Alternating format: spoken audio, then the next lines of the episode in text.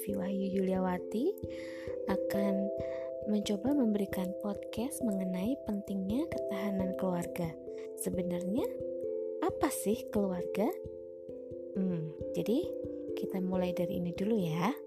Menurut KBBI atau Kamus Besar Bahasa Indonesia, keluarga merupakan satuan kekerabatan yang mendasar dalam masyarakat dalam keluarga biasanya ada ayah, ibu, dan anak-anak. Nah, anak-anak angkat pun yang secara legal juga termasuk keluarga. Ayah, ibu, dan anak merupakan keluarga inti. Nah, sedangkan dalam lingkup luasnya ada kakek, nenek, om, tante, sepupu, dan saudara yang memiliki hubungan darah. Sedangkan keluarga dalam pemahaman yang umum adalah unit terkecil dari masyarakat yang terdiri atas kepala keluarga dan beberapa orang yang berkumpul dan tinggal di suatu tempat di bawah satu atap dalam keadaan hmm, maksudnya dalam keadaan saling ketergantungan. Nah, karena saling bergantung dan berpengaruh satu dengan yang lainnya, maka bisa dikatakan keluarga merupakan sebuah sistem sosial. Hmm, Keluarga menjadi entitas terpenting bagi kehidupan seseorang sejak ia kanak-kanak. Melalui keluarga, karakter dan kebiasaan seseorang jadi bisa terbentuk.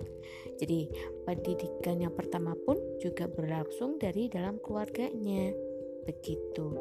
Jadi, pendidikan yang utama itu dari keluarga bukan hanya dari sekolah-sekolah itu sebagai pendukung. Nah, hilangnya peran penting dalam keluarga di kehidupan anak mampu menumbuhkan perilaku negatif yang dia bawa hingga dewasa.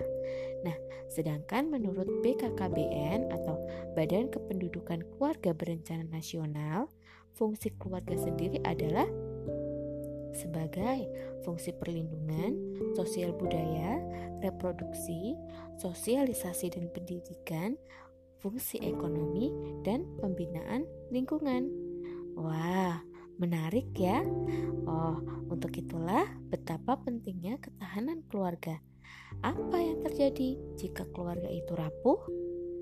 Hmm, tentu saja hilangnya rasa bahagia, aman, tentram, dan juga memiliki efek jangka panjang di mana dapat berimbas pada karakteristik generasi muda secara keseluruhan. Nah, tahu kan adanya permasalahan-permasalahan yang timbul pada anak-anak dan remaja dewasa ini? Hmm, hal tersebut bisa terjadi hmm, karena mereka memiliki permasalahan sebelumnya di dalam keluarga, atau katakanlah hilangnya fungsi-fungsi pada keluarga yang seharusnya dipenuhi bagaikan sayap burung yang memerlukan sepasang sayap untuk dapat terbang tinggi.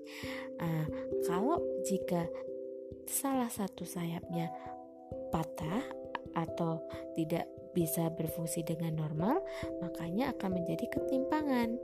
Nah, begitu ya. Sekian podcast kali ini.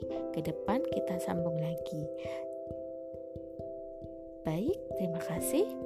Sehat selalu dan sayang keluargamu. Wassalamualaikum warahmatullahi wabarakatuh.